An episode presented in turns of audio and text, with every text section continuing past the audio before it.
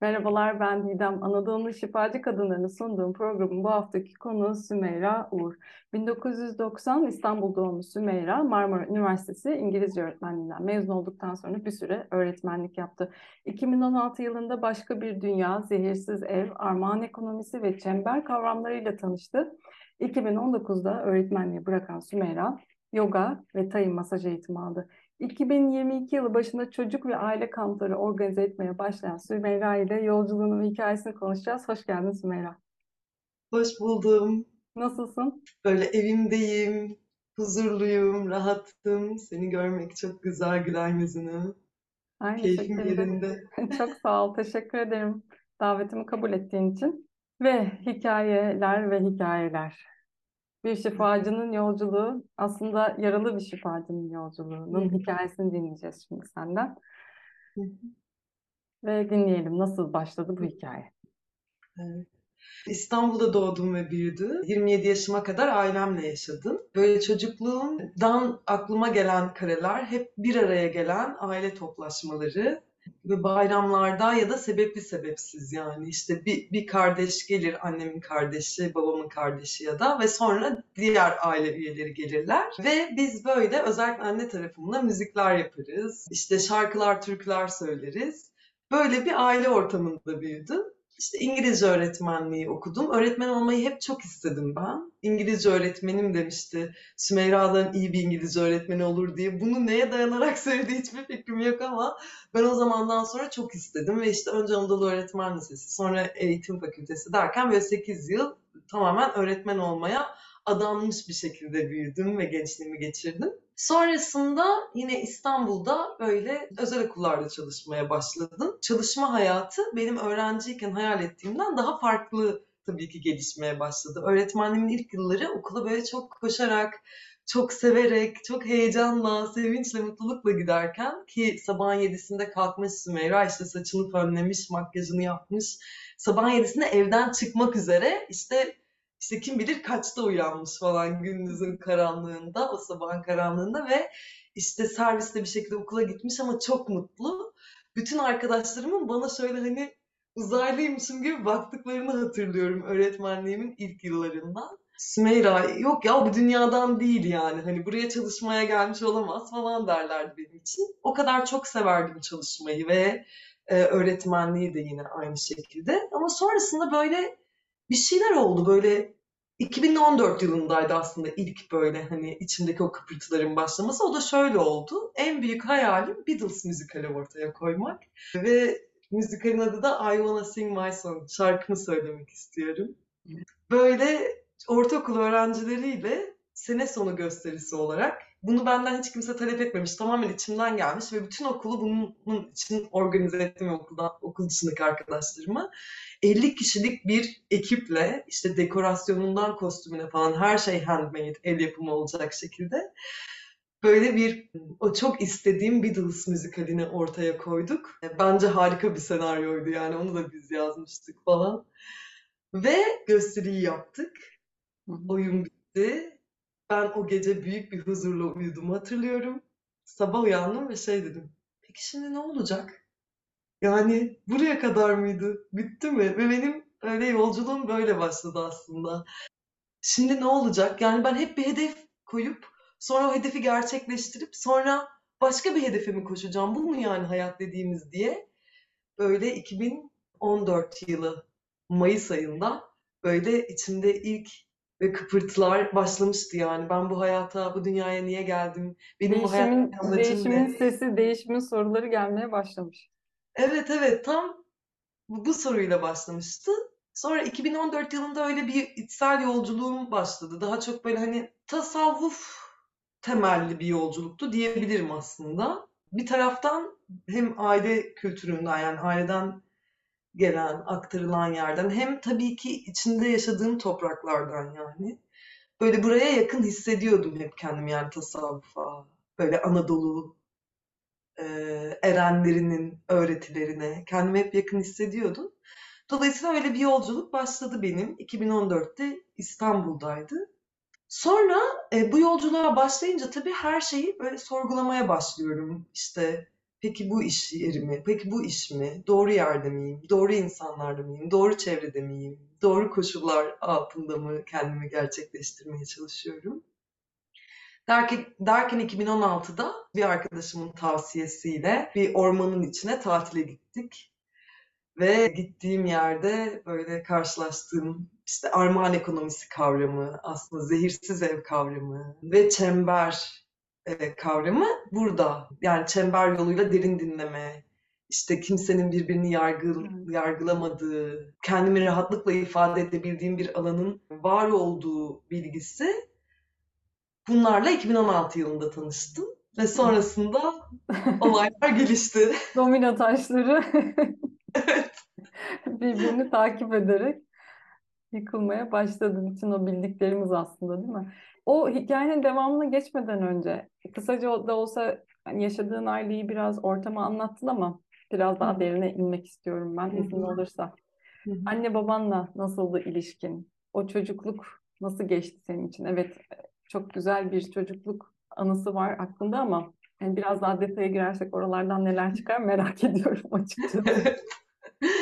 evet, annemle babamla ben çok sakin, uslu diye tanımlanan o kız çocuğuydum yani. O bendim gerçekten. Derslerinde çok başarılı. Annesi babası nasıl isterse öyle olmaya hani odaklanmış ve aile büyükleri tarafından hep en çok sevilen ve örnek olarak gösterilen başka kuzenlere ya da kardeşlere de. E, o oydum yani o kız çocuğu tipi. Sümeyra'nın çocukluğunu çok hani yansıtır gerçekten annemle babamla böyle hani onları severdim, onlar da beni severlerdi ve ben ne ne istediysem o hep oldu aslında. İşte mesela 13 yaşındayken ben böyle yok ya ben böyle başka şehirde okumak istiyorum dediğimde liseyi gerçekten annem ve babamın o şok olduklarını hatırlıyorum. Yani nasıl hani kızımızı nasıl göndeririz daha 13 yaşında şehir dışına ama içimde bir ateş var ve gitmek istiyorum. Ki şu da çok ilginçtir. Herkes İstanbul'a gelmek ister. Hani bizimkiler böyle hani herkes buraya gelmek istiyor. Sen niye buradan gitmek istiyorsun falan. Hayır benim keşfedeceğim şeyler var diyerek gitmek istediğimde önüme engel koymadılar. Yani genellikle böyle hmm, sen böyle istiyorsan o zaman öyle olsun bakalım e, diye böyle çok yanında oldular. Bunun bazı dezavantajlarının olduğunu görüyorum ama. E, Mesela. De uslu çocuk muydun gerçekten yoksa uslu olman gerektiği için mi uslu olmuştun diye bir soru geldi. Tabii, tabii ki çok uslu olmam gerekiyor. Doğru olan bu. Yani ben hani ne münasebet yani öyle gideceğim, e, ortalığı dağıtacağım. İşte ne münasebet böyle çok sesli oyunlar oynayacağım ben işte toplaşmalar olur. Ben böyle hani oturur büyüklerimi dinlerim falan. Arkadaşlarım da hep benden yaş olarak büyüklerdi. E, kendimle yaşıt ya da daha böyle küçük çocuklarla e, oyunlar oynamazdım. Muhtemelen şey onları çok çocuk bulurdum. Şimdi böyle çok üzülüyorum gerçekten. Yazıktır Sümeyra biraz oyun oynasaymışsın falan diye. Ama öyleydi o zaman öyleydi yani. Hı hı hı. E, sonrasında bütün bu az önce tekrar e, anlattığım, o bıraktığın kısma dönecek olursak, bütün bu kavramlarla tanıştıktan sonra tabii ki de bir sürü kırılma yaşadın kendi içinde ve sorgulamalar başladı. Ve sonrasında bu seni öğret çok sevdiğin öğretmenlik mesleğini bırakma noktasına getirdi. Şimdi oraya gelene kadar neler oldu ve hani sevmene rağmen bunu bırakma kararını nasıl aldın? Hiç korkmadın mı? Ne yapacağım? Sonuçta düzenli bir gelir var. Özellikle öğretmenlik gibi çok hani Türkiye'de garanti meslek olarak görülen kıymetli bir mesleği bırakma kararı hiç kolay bir şey olmasa gerek. Evet değildi. Şöyle bir şey oldu. Ben o ilk ormanda yaşayan arkadaşların yanına tatile gittiğimde ve hiç tanımadığım kişilerdi. Bu arada ben tatile giderken işte e, arayıp şunu soruyorum işte. Peki bizim nasıl e, ödeme yapacağız? Oda kahvaltı mı? İşte o çok şehirli sorular soruyorum. Yo burada yemeklerimizi kendimiz yapıyoruz diyor mesela. Ha peki. E, o zaman şimdiden rezervasyon için ödeme göndermeli miyim? Geldiğinizde gönlünüzden geçen bir miktar bütçenize uygun bir şekilde bırakırsınız falan diyor. Bana böyle şey geliyor bu sorular. Ben nereye gideceğim acaba falan gibi geliyor ve ilk gittiğimde o alana E, orada da işte gönüllü çalışanlar var falan. Bir, burası bir çiftlik. Şey yani bayağı topuklu ayakkabılarımla falan gitmiştim. Yani işte saçlarım turuncu, boyalı falan. Ben hani gerçekten Öyle bir ortamda seni öyle hayal edince tutamadım kendimi.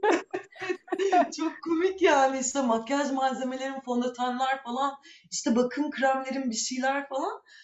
Ve ben oraya gittiğimde yani bunlara hiç yer olmadığını görme çok şaşırmıştım. Bir arkadaş da orada yaşayan biri şey demişti. Ya Sümeyra biliyor musun saç boyası cilde çok zarar veriyor işte saçlara işte şuna buna falan işte çok zehirli onlar falan.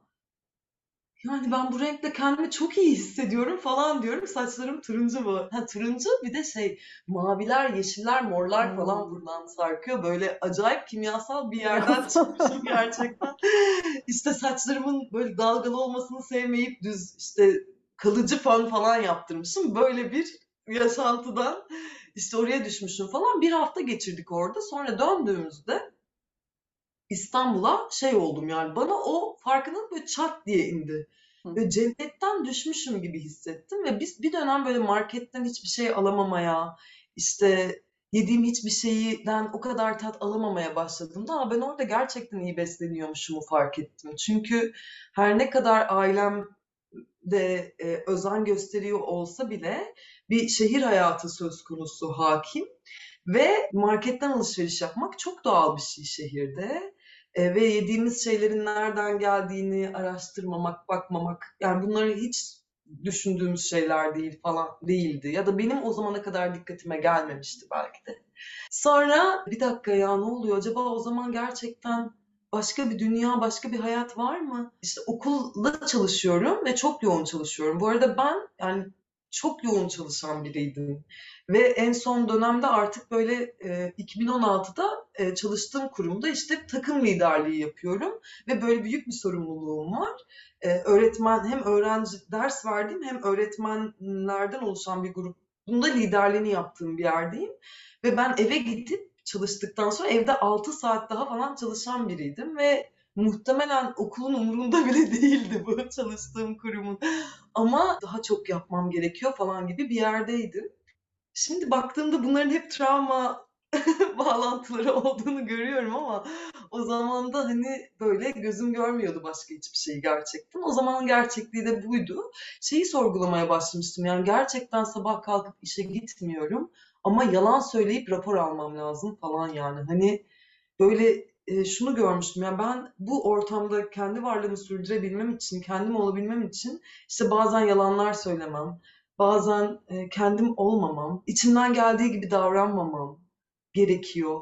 Başka biri olmam gerekiyor ve artık o böyle kabuk, kabuğun bir kabuk içinde sarmalanmışım ve bir şey o kabuğu böyle çıtır çıtır bir yerlerden çıtırdatmaya başladığı zamanlarda o 2016 öyle bir dönemdi benim için. Sonrasında hani bu ekonomik kaygılar hani ne yapacağım sorusu bence burada çok kıymetli. Hepimizin sorduğu soru yani birçoğumuz bize uygun olmayan ya da uygun olsa da farklı bir şeyler içimizde olan ama onu bir türlü hani ne, bulamadığımız ya da duyamadığımız bir yerdeyken hani, ne yapacağım sor- sorusu tam. Şimdi bunu bırakacağım ama sonra ne yapacağım sorusu senin için nasıldı, nasıl şekillendi?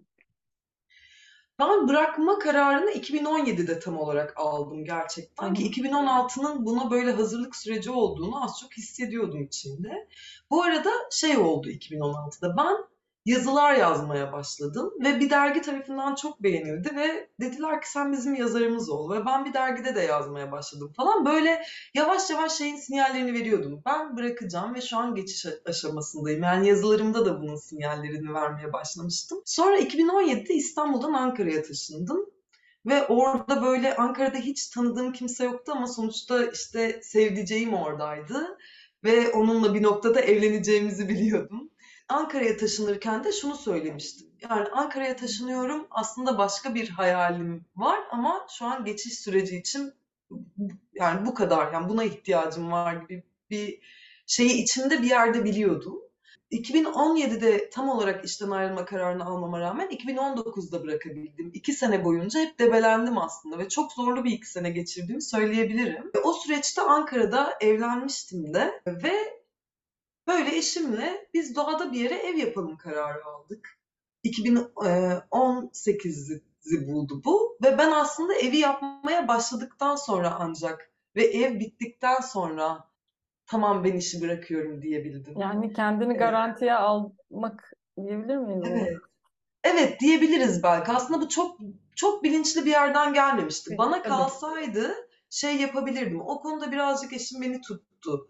Yani o, o çok razı değildi işi bu kadar hızlı bırakmama yani. Ve ben de o, onun razı olmadığı bir yerden bu kadar hızlı bir adım atmak istemedim o dönem ama hep bunu hep bunun bahsi geçti. Hep bunun tartışmaları yaşandı yani. Ben çalışmak istemiyorum. Hı. Çalışmak istemememin sebebi de şuydu. İşte biz öğretmenlik yapıyoruz ya böyle ve yani özel okulda çalışırken şey konusu vardı hep yani bu sisteme ait hissetmiyorum. İnanmadığım bir şeyi çocuklara vurgulamak zorunda kalıyorum. Çocuklara ödev veriyorum mesela. Hiç inanmadığım bir şey yani bu. Hani hepsine aynı ödevi vermek. Ve sonra ödevleri yapmadıklarında açıp defterlerini ödevini yapmadı diye ailelerine yazı gönder gönderdiğim bir sistemin içindeydim ve aile imzalayıp geri gönderiyor falan. Çocuğun yaşadığı ne büyük bir saçmalık yani aslında düşündüğümde. E, Ve ben bunu çocuğa yaşatmamak için elimden gelen her şeyi yapıyordum ve sonra dedim ki yani bu, buraya uymuyorum belli ki yani bunun içinden çıkayım deyip çıkmıştım. Ve sonra daha alternatif bir okulda çalışmaya başladığımda da şunu gör, şurada çok zorlandım. Yine hala yine kendim olamıyordum. Yani orada da yani bir sistem var, bir okul sistemi e, bir tarafta. Bu tarafta da onun tam zıttı gibi görünen ama başka yerlerden bana aynı şeyi hissettiren, içeriden bir yerden çok ince yerlerde aynı şeyi, aynı zorlanmaları hissettiren başka bir kalıbın içine girdiğimi fark etmiştim o alternatif okulda da çalışırken. E, o, o- onların sorgulamalarını yaşıyordum her akşam eve geldiğimde. Yani ben hala bu sorunları yaşıyorum. Bir alternatif bir formda yine yaşıyorum. Yaşadığım sorunları soracak olabilirsin belki. Yok onları Evet. sormayacağım ama şey hani kendim olamıyorum dedin ya ve başta da kendini hani uslu çocuk vesaire gibi tanımlamıştın. Hmm. Kendin kimdi sence? Yani kendim olamadım dediğin kimdi? Böyle bir ses vardı içimde. Ama o sesi söylersem bir, bir yargılanırım. O sesi çıkarırsam yargılanırım. Yanlış anlaşılırım. E, çünkü bunun örnekleri hep oluyordu. Bir şey söylüyorum kendime dair. Ya bir de bunun bu tarafı var. Ben bu tarafından da bakıyorum diye. E, ama o böyle herhangi bir anlayış kalıbının, algı kalıbının na ters düşüyor. Dolayısıyla bu çok alternatif bir algı kalıbı da olabilir ama bir kalıp en nihayetinde bir çerçeve ve orada işte dışlanmak, e, ait olamamak böyle korkularım vardı yani hani kendim Kim, kim olamamak. olursan öyle dışlanacağını düşündün. Yani mesela uslu olmazsan ya da işte söylenene e, boyun eğmezsen Hmm. gibi bir yerler mi oralar? Oraları açmaya Evet, çalışıyorum aslında. söylenene boyun eğmezsem bu e, bu bu bulunduğum topluluk yani bu bulunduğum insan Onun kurallarına uymazsam. Evet, dışlanırım. Hı, Dışlanmaktan hı hı. korkuyordum bence. hı, hı Dışlanırım, hı, sevilmem, sevilmemekten hı korkmak. hı, hı hı. Ee, evet, buralar. Ve sonra Ait olamamak. evet yani bence hepimizin zaten ortak Evet, hissi. E, ve sonra evi bitirdiniz, sen ayrıldın ve e, kırsalda bir hayat başladı başladı. sizin için. Başladı. Nasıl bir Evet. hayattı o? Herkesin hayalini kurduğu o kırsal hayatta sen neler yaşadın? Ee, 2019'da taşındık artık. 2019 Haziran'ında Ankara'dan Antalya'ya ve orada böyle yani şunu fark ediyorum. E, şimdiki aklım olsa böyle birazcık daha o geçişe zaman verirmişim. Böyle zaman da vermeden ben bir topluluğun içinde yaşamaya başladım. Sonuçta orası hani böyle e, bir topluluk yaşantısının var olacağı bir yerde. Hali hazırda orada yaşayanlar vardı ve biz sonradan oraya eklenmiştik. Eşin de bu E, arada tam böyle hani orada yaşayacak mıyım? Pardon, E, evet evet o da. Evet evet o zaten böyle freelance de bir yandan çalışıyordu. Yani böyle bir yere bağlı çalışmıyordu ama çok çalışıyordu yani yine. E, bir yandan işte onun kendi eğitim süreci de vardı. Doktorasını tamamlıyordu falan. Öyle süreçleri de vardı. Ve biz taşındık. Böyle yazı bir şekilde geçirdik. Derken ben gebe kaldım. Bir de öyle bir süreç oldu. Ve benim için çok önemliydi doğum yapacak olmak, o anne olmak falan. Yani nedense o dönem çok önemliydi yani. Ve böyle aslında asıl zorlayıcı yer orada başladı. Yani zaten evet evim var ama hazır olmadığım bir yaşantıya yani alışmadığım bir yaşantıya geçiş yapıyorum ve buna bir de hamilelik ekleniyor. Böyle o dönem çok kendi içinde zorluklarıyla geldi benim için yani. Ve ben onların zorluk olduğunu farkında değildim. Yani yok ki bir şey, hiçbir şey yok ki. Tamam ben gebeyim ama yine de elimde 10 litre su taşıyabilirim falan şeklinde yürüp geziyordum yani. Bütün alışverişleri de ben yapabilirim, yemekleri de ben yaparım falan gibi bir haldeydim Yani okulda aldığın sorumluluğu aslında kırsalda da devam ettirdin. Evet. Bir arkadaşımla konuşurken şunu söylediğimi hatırlıyorum. O şey demişti bana böyle Sümeyra ne iyi yaptın bak gittin. Şimdi konuşurken telefonun arkasından kuşlar sesleri geliyor. Hani bak biz yine aynı yerdeyiz ama sen bambaşka bir ortamdasın falan. Ona şey demiştim. Yani biliyor musun kafa değişmedikçe, bir şeyler değişmedikçe, algı değişmedikçe, nerede olduğunun çok da önemi yokmuş. Ben belki şimdi orada olsam daha mutlu olabilirim gibi sözler sarf ettiğimi hatırlıyorum. Gerçekten o algının değişmesi çok daha uzun, hala değiştirmeye çalışıyorum. Yıllar geçmiş. Çok daha uzun bir şeymiş. Ben birazcık oraya bodoslama daldım yani gerçekten ki etrafımda çok soran vardı. Emin misin ya? Gerçekten mi falan? Ben de şunu soruyordum yani siz bu kadar çok inandığınız bir şey var bir yaşantı bu. Bu kadar çok inandığınız bir yaşantı ya nasıl kendinizi koyamıyorsunuz diye ben de onlara soruyordum yani hani. E, sonrasında ama benim oraya bu kadar çok inandığım bir şeyin içine böyle düşüşüm e, benim için sonrasında başka acılar da doğurdu tabii ki. neler oldu sonra? Yani gebe kaldın ve ne oldu? Evet. Şöyle, öncelikle hayatımda ilk kez yaz kavramıyla gerçekten kendi bedenimin içinden çıkan bir şekilde tanıştım.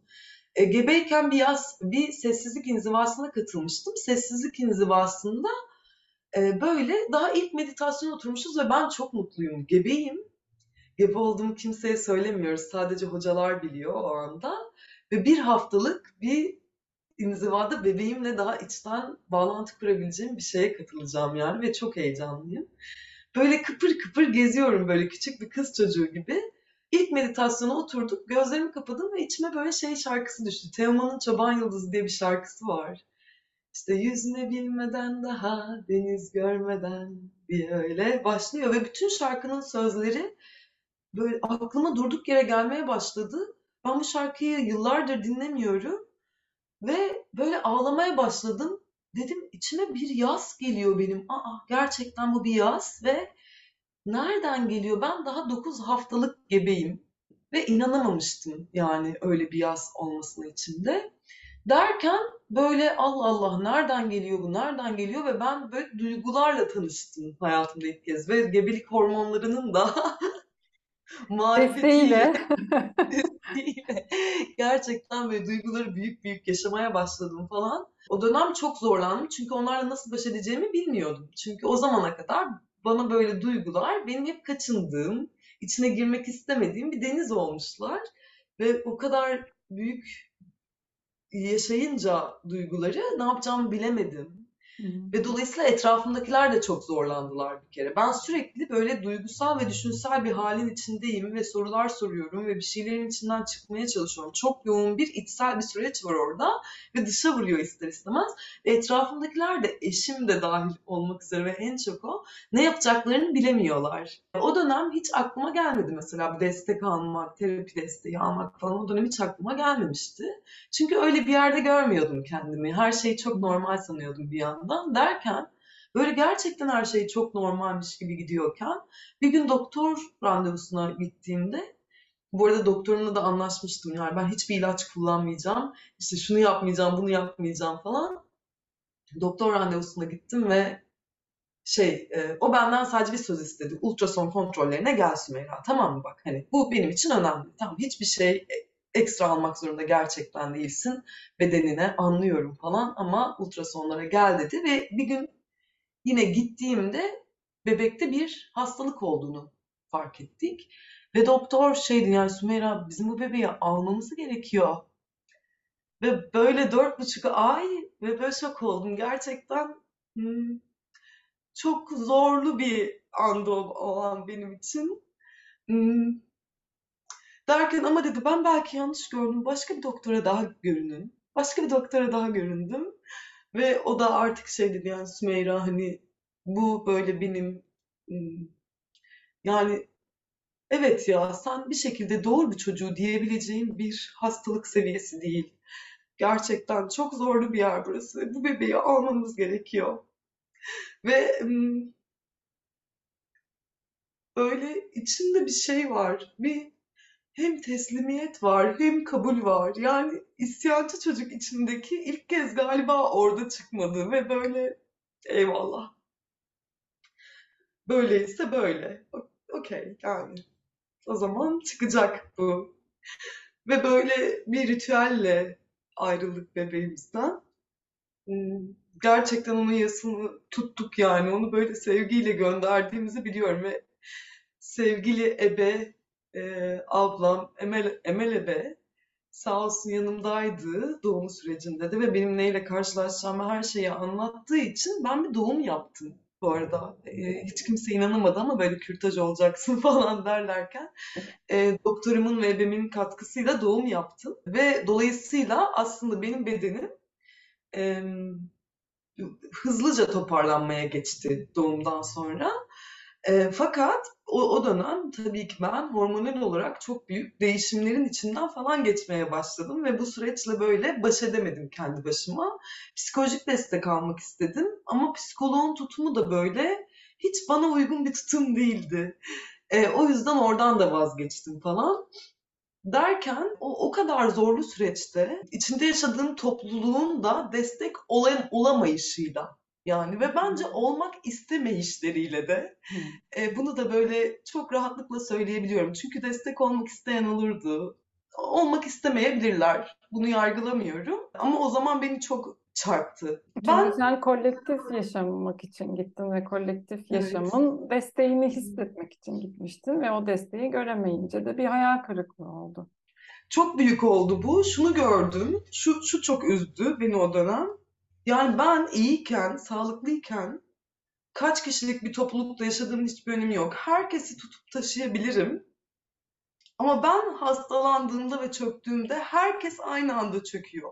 Ve hiç kimse beni taşıyamıyor. Bu gerçeği görmek ve bunun hayatımdaki başka yerlerdeki yansımalarını da görmek aslında öyle bana çok ağır gelmişti o dönem ve desteğe müthiş ihtiyacım vardı. Şeyi hatırlıyorum. Böyle yemek yapamıyorum kendime birisi yemek getirip koysun önüme diye bekliyorum. Sonra bir dönem o yemek geldi önüme. Sonra şeyi fark ettim. Yemeği alıp ağzıma götürecek birine ihtiyacım varmış. O derece çökmüşüm. Artık hani böyle gerçekten bütün rezervlerim tükenmiş falan. Hani böyle herkese ve her şeye yeteceğim diye falan. Bunun da bir travma tepkisi olduğunu sonradan fark ettim tabii ki. Sonra şey oldu ben orada yaşadığım çok böyle zorlu bir deneyim sonrası eşimle birlikte evimizi terk ettik. Ve sonra eşimden de yani çok zorlu bir süreçten geçtik ve yollarımızı onunla da ayırdık. Ve ben böyle ne yapacağımı bilemeyen bir halde asıl ekonomik kaygıya tam da orada düşmüştüm gerçekten. Çünkü bütün varlığımı eve yatırmışım ve evliliğime aslında. Çalışmıyorum. Yapabileceğim tek iş öğretmenlik. Başka hiçbir şey yok. Bu arada az çok zehirsiz yaşamla da e, haşır neşir olmaya başlamıştım. Yaptığım ürünleri satıyordum ama onun böyle hani gerçekten şey amme hizmeti gibiydi o da. Yani ondan gelen gelir beni geçindiremezdi yani böyle hani. Daha gönüllü yaptığım bir şeydi o. Öyle o dönem iş aramaya başladım mesela. Gerçekten iş aradım ve benimle çalışmak isteyen okullar oldu. Ama gittiğimde böyle çocuk görüyorum, ağlamaya başlıyorum falan. Ben dedim yok öğretmenlik yapamayacağım. Ve yani doktorum da bunu söyledi. Sen bir süre Sümeyra hiçbir şey yapmasan daha iyi olur diye. Neyse ki birileri bunu söylemiş. Yoksa gerçekten çok zorlayabilirdim bir şeyler yapmaya. Peki E, sonrasında derken kendini ha pardon nasıl iyileştirdin ve e, hayatına giren işte e, Thai masajı var, e, yoga eğitimi var. Çünkü onları da ve müzikle ilgileniyorsun, onlara da zaman ayırmak istiyorum. E, o evet, evet, çalışmaları da anlatmanı e, rica edeceğim. Sonrasında evet. o iyileşme süreci senin için nasıl oldu? Nasıl geçti? Hangi aletler, hangi tekniklerden faydalandın? Şöyle o orası da ben kendimi bir anda Fethiye'de buldum. Çünkü işte Antalya'da artık yaşayamayacağımı biliyordum. Ee, ama nereye gideceğimi de bilmiyordum falan. Fethiye'de buldum ve ben Fethiye'ye geldiğim an ya böyle iki ay sonra falan hatta bir ay sonra pandemi patladı. Aslında bir inziva merkezinde çalışmaya ve orada konaklamaya yani çalışmak ve konaklama böyle bir takası yapmıştık gibi olmuştu. Ben orada mutfaktan sorumlu olacaktım inziva grupları geldikçe ve bir yandan da yogaya ilgim vardı zaten. Biraz böyle yogadan besleneyim, kendime iyi geleyim gibi düşünmüştüm. Sonra pandemi olunca biz inziva merkezinde kala kaldık ve hiç kimse hiçbir yere gidemiyor oldu. Derken böyle maddi olarak ne yapacağımı bilemiyorum. Online atölyeler vermeye başladım. Ama destek hala hala destek alma yerinde değilim. Hala bir şey vereyim ve hani para kazanayım, geçimimi sağlayayım gibi bir yerdeyim. destek destek kabul etmediğin için mi alamıyorsun yoksa destek gelmediği için mi alamıyorsun? Yani Destek bazen de al- alma, almakta da zorluk çekebiliyoruz ya. Hmm, tam öyle bir yerdeymişim biliyor musun Didem? Aslında destek alabileceğim çok kişi vardı. Başta Filiz Telek arkadaşımız. E, o böyle o dönem yaz çalışmaları yapıyordu mesela. Ve e, işte Berna Efeoğlu, onunla da öyle Filiz aracılığıyla tanışmıştık. Onların ses yolculuğunda tanışmıştık. E, onlar hep yanımdaydılar. Fethiye'de bana destek olmaya hazır pek çok arkadaşlarım vardı açıkçası. Ve e, böyle hani onlarla da böyle senelerdir tanışıyor değiliz ama e, benim hikayemi biliyorlar ve destek olmaya çok açıklardı ama ben destek alabilecek halde değilmişim. Ben hı. kapalıymışım almaya. Ama şey, şunu rica ettiğimi hatırlıyorum Filiz'den. Bir grup çalışması açıyordu. Yazla ilgili bir grup çalışması açıyordu ve şey dedim ona. Filiz ben gerçekten gruba katılabilecek enerjide hissetmiyorum kendimi. Benimle bireysel çalışabilir misin dedim. O böyle sanki ben bir uyduymuşçasına, yani uydu, uyduymuşum gibi grubun etrafında dönen ama aynı yörüngede hareket eden öyle bir yerden benimle ayrıca çalıştı mesela. Bu benim için çok büyük bir hediyeydi. Yavaş yavaş alma kanallarımı öyle öyle çok nazik, çok oranın çok kırılgan bir olduğunun farkında olarak yavaş yavaş onunla çalışmaya başladık. O sırada şey oldu, yine böyle maddi maddi konular böyle çok büyük gündem ol- oluyormuş insanlarda. Bunu fark ettim. İşte o benim prenseslik makamından böyle düşüşlerim falan e, böyle oldu yani. Ha, demek insanların bazı paraları olmayabiliyormuş falan. Bunları görmem e, böyle oldu. O dönem çok tesadüfi bir şekilde yani evimiz satıldı. Ve ev satılınca benim elime bir miktar para geçti ve ben ev tuttum Fethiye'de. Ve böyle hem evim oldu hem işte bir yoga merkezinde çalışmaya başladım. Hem yoga eğitmenliği eğitimimi almaya başladım ve iyileşme sürecim böyle başladı. Derken böyle bir ara ben yıllar önce Ankara'da bir Thai masajı seansı almıştım ve çok etkilenmiştim o Hı hı seanstan. hı. Ve ya ve bu arada benim dokunmakla ilgili ve sarılmakla ilgili böyle çok böyle bir insan değilim ben. Yani çok kısa sarılırım, çok az dokunurum, bana dokunulmasından çok hoşlanmam falan böyle biriyken yani yoga öğretmenime şunu sordum. Yani Tay masaj eğitimini ne zaman açacaksın diye. Ve böyle hani o benim son kurşunum oraya yatıracağım para. Hani böyle başka param yok gerçekten. Ya Sümeyra açalım ama nasıl yaparız falan dedim. Yaparız bir şekilde açalım falan ve biz böyle o dönem bir masaj eğitimi açtık. Ben de hem katılımcı oldum ve orada şey ben benim dokunabildiğimi, dokunmaktan ne büyük keyif aldığımı, bana dokunulmasının bana ne kadar iyi geldiğini fark ettim ve Tay mas- masajı çok şifalı bir yolculuk. İşte bana şey de iyi geliyor, giysiyle yapılıyor olması, e, yoga, yani Tay yoga masajı aslında yoga ile bir bağlantısının olması, aslında ardında derin bir öğreti taşıyor olması beni bayağı çekti buraya. Biraz anlatır sonra mısın Thai masajını? Nasıl oluyor? Hani bilmeyenler olabilir. hmm, Tay masajı Böyle çok kadim bir öğreti. Nefes farkındalığı, içinde nefes, nefes farkındalığı taşıyan, kişinin kişiyi aslında böyle hani derin dinlenmeye ve derin gevşemeye bilinçli bir yerden taşıyan, nefesle de çok bağlantılı olduğu için böyle bir masaj türü. Hı hı. Hatta bu masajı alanlar şey derler böyle, masaj değil bu başka bir şey falan derler. Yani çok terapetik bir yaklaşım da denebilir aslında. Tabii ki şunu vaat etmiyoruz yani burada bir terapi yapıyorum işte şunu iyileştiriyoruz gibi bir şey vaat etmemekle birlikte gerçekten sonunda çıkan kişi pek çok e, alandan beslenmiş hissediyor. Kendi bedensel olarak, ruhsal ve zihinsel olarak da rahatlamış ve gevşemiş hissediyor. E, içinde yoga pozları da var.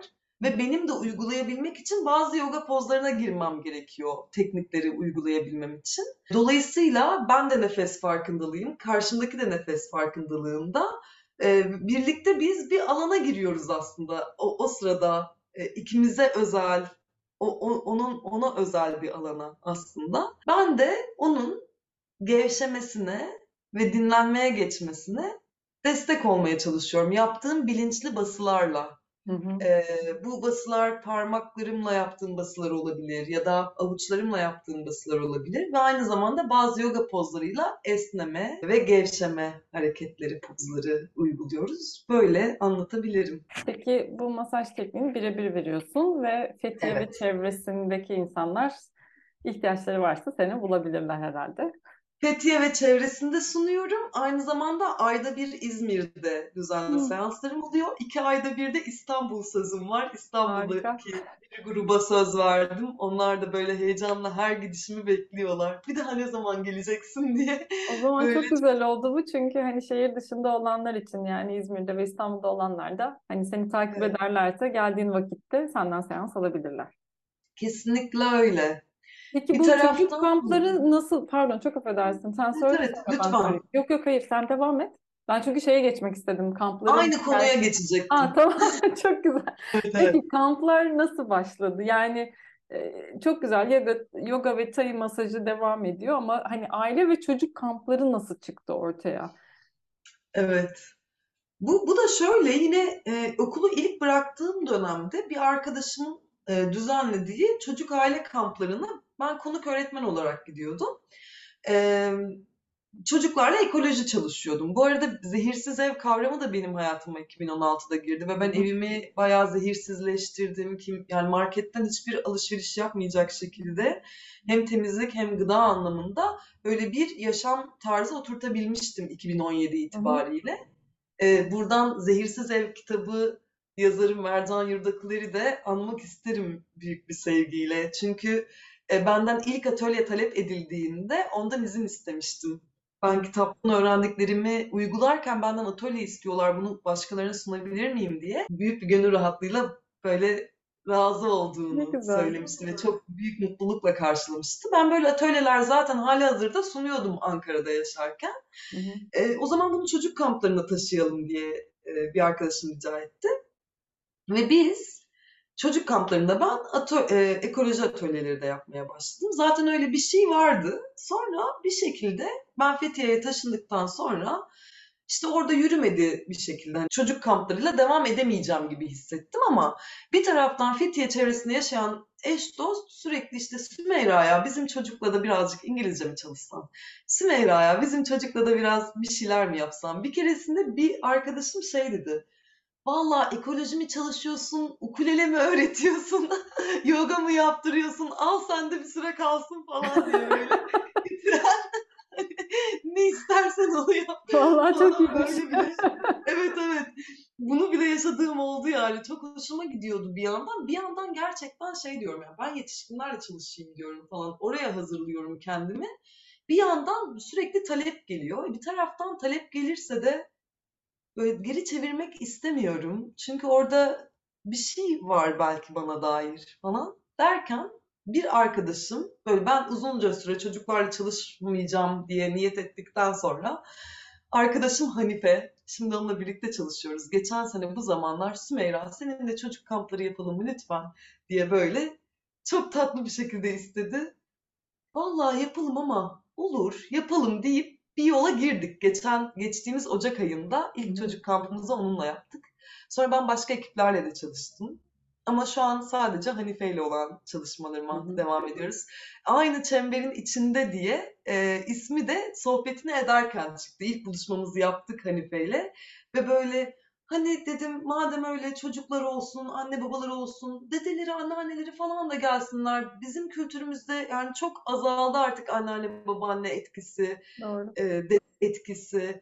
Onlar da gelsin. Hepimiz aynı çemberin içinde oturalım derken aynı çemberin içinde kampları olsun bu dedik. Ve böyle bizim titreşimimizin uyduğu mekanlarda şu an en çok Ekincik Koyun'da, Geyikbayırı'nda yaptık. Sapanca'da bir mekanda yaptık Hı ki bunların devamı gelecek gibi duruyor. Var mı peki Şimdi önümüzdeki dönemde planladığın tarihi belli olan bir şey? Hani takip edenler belki çocuklarını alıp gelebilirler. Şimdi ben bu senenin e, bu hafta sonu 12. kampını yapacağım. O yüzden Hmm. benim için çok yoğun bir süreç oldu bu hı. süreç. Bir süre Hanife ile birlikte ara vermeye niyet ettik. E, Ocak yani tatilinde kamp yapmamaya niyet ettik ama hiç belli olmaz. Ama Nisan ayında, Nisan ara tatilinde iki tane kampımız olacak. Hı hı. E, Ekincik Koyun'da olacak. Circles e, meka, mekanın ismi. Hı hı. E, o- orada iki tane tarihimizi ayırdık.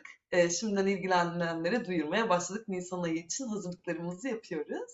Harika. Bir yandan böyle hani sabit olan o. Bu hafta sonu da mesela bir kapalı grup, bir aile grubu, Hı hı. e, çocukları da olan bir aile grubu. Hmm. Dediler ki biz 7-8 aileyiz. Bize özel kamp yapar mısınız? Sadece. Hanife ve Sümeyra yeter. Aa şahane. Evet, talep ettiler. Hı hı. Ve em, e, mesela böyle kapalı gruplar içinde artık kamp Hı hı. yapıyoruz gerçekten. Çok güzel. Ve müzik hayatında çok önemli. Müzik var. Evet. Ee, müzik nasıl girdi hayatına? Daha önce var mıydı? Ee, ve Berna Efeoğlu ile yaptığın Sound and Touch projesi var. Berna kısaca yaptığımız sohbette bahsetmişti. Bir de senden dinleyelim. Ve müzikle ilişkini, müziğin şifası sende nasıl? Onu duymak isterim. Hmm, evet. Şöyle dediğim gibi ben müzikle yani müzik sever bir aileden hani zaten geliyorum. Şarkılar söylenir hep, türküler söylenir. Böyle bir aile ortamında büyüdüğüm için müzik hep hayatımda vardı. Ben de şarkı dinlemeyi ve söylemeyi hep çok sevdim küçüklüğümden beri. Ama böyle büyüdükçe, ergenliğe geldikçe falan etrafımdaki arkadaşlarım hep şey demeye başlamışlardı. Yani Sümeyra artık bir sussan mı? Sen sus da işte bunu söyleyeni söylesin falan. Aslında pek çoğumuzun maruz kaldığı bir şeydir yani bunlar. İşte sen o kadar da güzel söyleyemiyorsun falan. Ya da işte asıl burada bunun müzisyen insanlar da girmeye başladığında hayatıma işte ha bunun bu sanatı icra eden o. Ben neyim ki hani işte gibi bir yerden ki bu arada enstrüman çalmaya da hiç hmm, gönlüm yoktu. Hiç öyle bir ilgi alanım yoktu yani. Hep şarkı söylemekle ilgili bir yerim vardı. İlgim hep orayaydı. Ama böyle hani her böyle pek çok şehirlinin maruz kaldığı gibi o toplum baskısıyla hani e, hiç utanmıyordum şarkı söylemekten ve kendimi hiç geri tutmadığım bir tarafım hep çıkıyordu ortaya ama etkileniyordum tabii ki söylenenlerden. Senin de sesin o kadar güzel değil diyen bir iç ses içeriden geliyordu. Sonra e, ortamımı değiştirdikçe, Hmm. e, yaşantımı değiştirdikçe ve en son Fethiye'ye geldiğimde artık sesle ilgili daha fazla çalışma yapmaya başladım. Bir kere Berna Efeoğlu arkadaşımızdan Sesimin Derinliklerine Yolculuk diye bir atölye aldım. Öyle bir yolculuğa çıktık ve e, o atölyeden sonra iç sesimi tanıdığımı fark ettim ve aslında bu çıkan sesle içerideki sesin ne kadar birbiriyle fark yani e, alakalı olduğunu fark ettim. Hı hı. Bu benim için böyle içsel yolculuğumda güçlü bir yerdi. Yani içsel yolculuğumun fiziksel dışa vurumuymuş sesle ilişkim. Bunu fark etmiş oldum. Bir de Tuncay Korkmaz'ın da adını zikretmek isterim burada. O da benim hem arkadaşımdır hem hocamdır. Ona çok hayranlıkla dinlerdim onun müziğini. Ee, Yunus Emre şiirleri, e, Andan İçeri grubunu çok severek dinlerdim. O Yunus Emre şiirlerini besteliyor. E, Ve onun da böyle şarkılarını söylerken buldum kendimi bir taraftan. Bir yandan ukulele çalmaya 26 yaşımda başlamıştım. Yine 2016'da. İlk hani böyle şehirden ilk göçme fikirleri, başka bir dünya, mümkünler e, canlı yayın içinde. Ukulele çalar, ukuleleyle ben Yunus Emre şiirlerini çalıyorum falan. Bir yandan çok komik tınlıyor. bir yandan böyle Tunca hep çok destekledi yani. O Sümeyra farklı bir e, tınık atmışsın. E, hmm, hiç bu açıdan bakmamıştım bu besteye. Bir de bakalım böyle söyleyeyim falan diyerek çok destekledi yani gerçekten. Ve bu kadar çok desteklenmiş bir yerden tabii ki e, müzik hayatıma güçlü bir şekilde girecekti. Benim içsel yolculuğumun çok büyük bir şey aracı, çok büyük bir araç müzik. Müzik, Yunus Emre şiirleri genel olarak. Ee, ve benim de bir Yunus Emre şiirim, bestem hmm, oldu sonra. Söylemek Ee, ister misin? Böyle çıplak sesli olsa olur mu? Ha, Olur. Yani diyor ki bu aklı fikriyle Mevla bulunmaz. Bu ne yaredir ki merhem bulunmaz. Merhem bulunmaz. Merhem bulunmaz. Deryalar içinde susuz gezerim. Beni kandıracak umman bulunmaz. Kamunun derdine derman bulunur. Şu benim derdime derman bulunmaz diye devam ediyor. Çok güzel, çok teşekkürler. Çok sağ ol. Çok güzel bir armağan oldu hepimize. Teşekkür ederim canım. Çok güçlü bir şiir. gönlüne sağlık. Çok sağ ol. Çok güzel gerçekten de. Ee, peki şeyden bahseder misin? Sound and Touch projesinden nasıl? Ah, evet oraya dönelim yeniden. Hı hı. O da şöyle oldu. Berna'nın evinde Berna'nın kardeşine masaj yapıyorum ve bir müzik çalıyorum. Çaldığım müzik de şey e, yani kayıttan tabii yani bir, bir müzik listesini çalıyorum ve sürekli bir loop dönüyor orada. Berna bunu duymuş ve masajdan çıktığımda şey dedi Sümeyra yani böyle bir müzik yerine mesela ben de ses yolculuğu yapıyorum ya ki Berna'nın ses yolculukları çok şifalıdır. Ve birleştirsek ben ses yolculuğu yaparken sen masaj yapsan bunu bir denesek nasıl olur falan ben çok heyecanlandım. Çünkü e, Berna'nın e, SoundCloud'da ses yolculuğu kayıtları var. Hmm. E, birkaç kez onları böyle masaj yaparken e, açmayı denedim ama kayıt olduğu için böyle çok da gerçeği gibi, canlısı gibi tınlamadı. Ve çok heyecanlandım Berna bunu önerince. Tabii dedim yani deneyelim, sunalım. Ve bunu ilk bir gruba sunduk. Dört kişilik bir gruba. Berna ses yolculuğu yaparken önce ses yolculuğu başlıyor. Dört kişi uzanıyor. Ben sırayla her birine masaj uyguluyorum şeklinde. Dolayısıyla iki saat süren e, ve herkese dokunabildiğim ve masaj yapabildiğim ve derin gevşeme, derin dinlenme yolculuklarına çok güçlü ve çok köklü bir yerden eşlik ettiğimiz bir yolculuk oldu.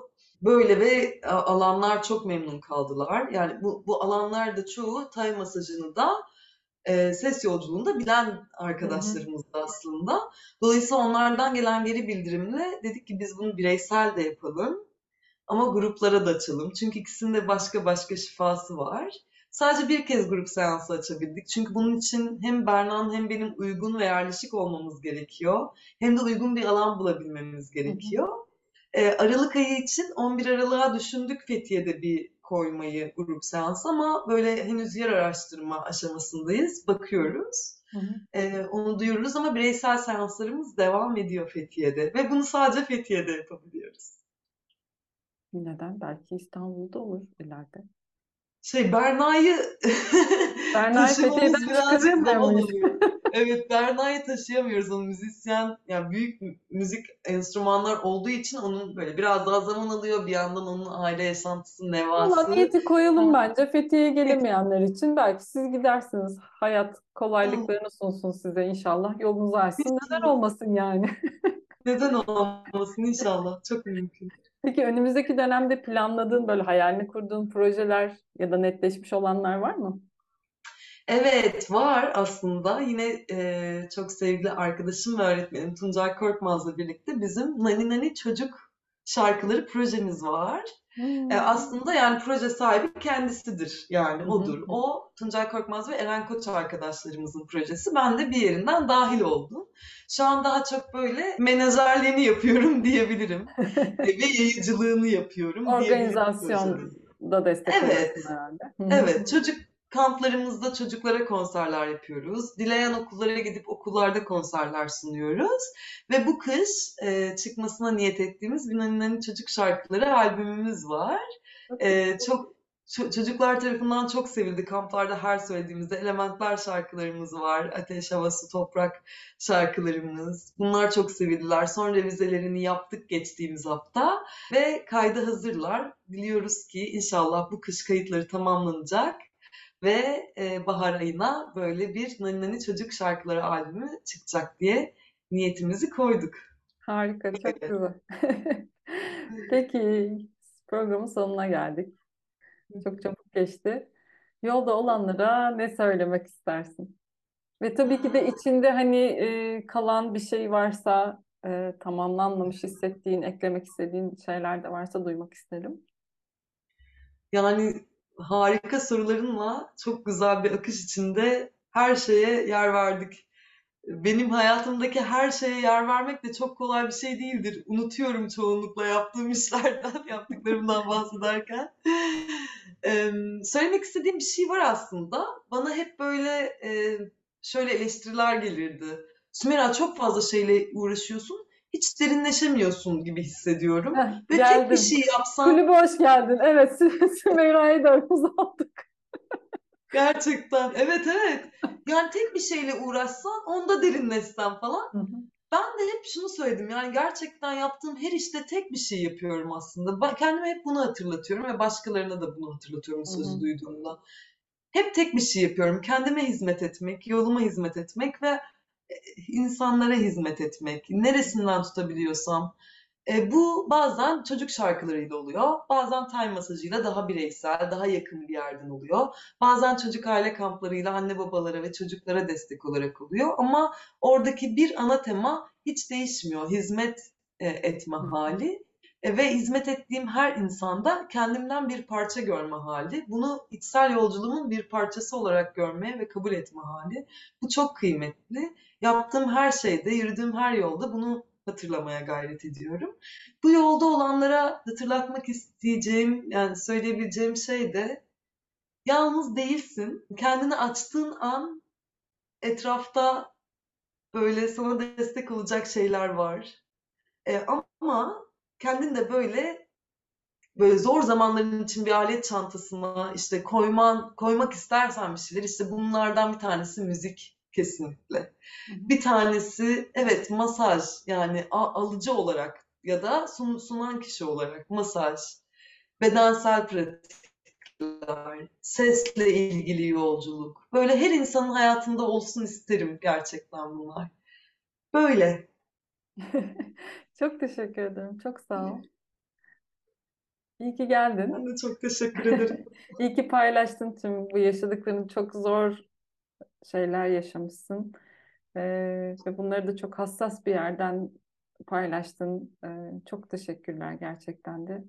Kolay değil tekrar yaşıyorsun çünkü. Gönlüne sağlık. Hı hı. Hizmetin daim olsun. Eyvallah. Amin. Hep birlikte canım. Amin, amin hep birlikte. Ve siz dinleyenlere, izleyenlere de çok teşekkürler vakit ayırıp dinlediğiniz için. Bir sonraki programda görüşmek üzere. Kendinize iyi bakın, hoşça kalın.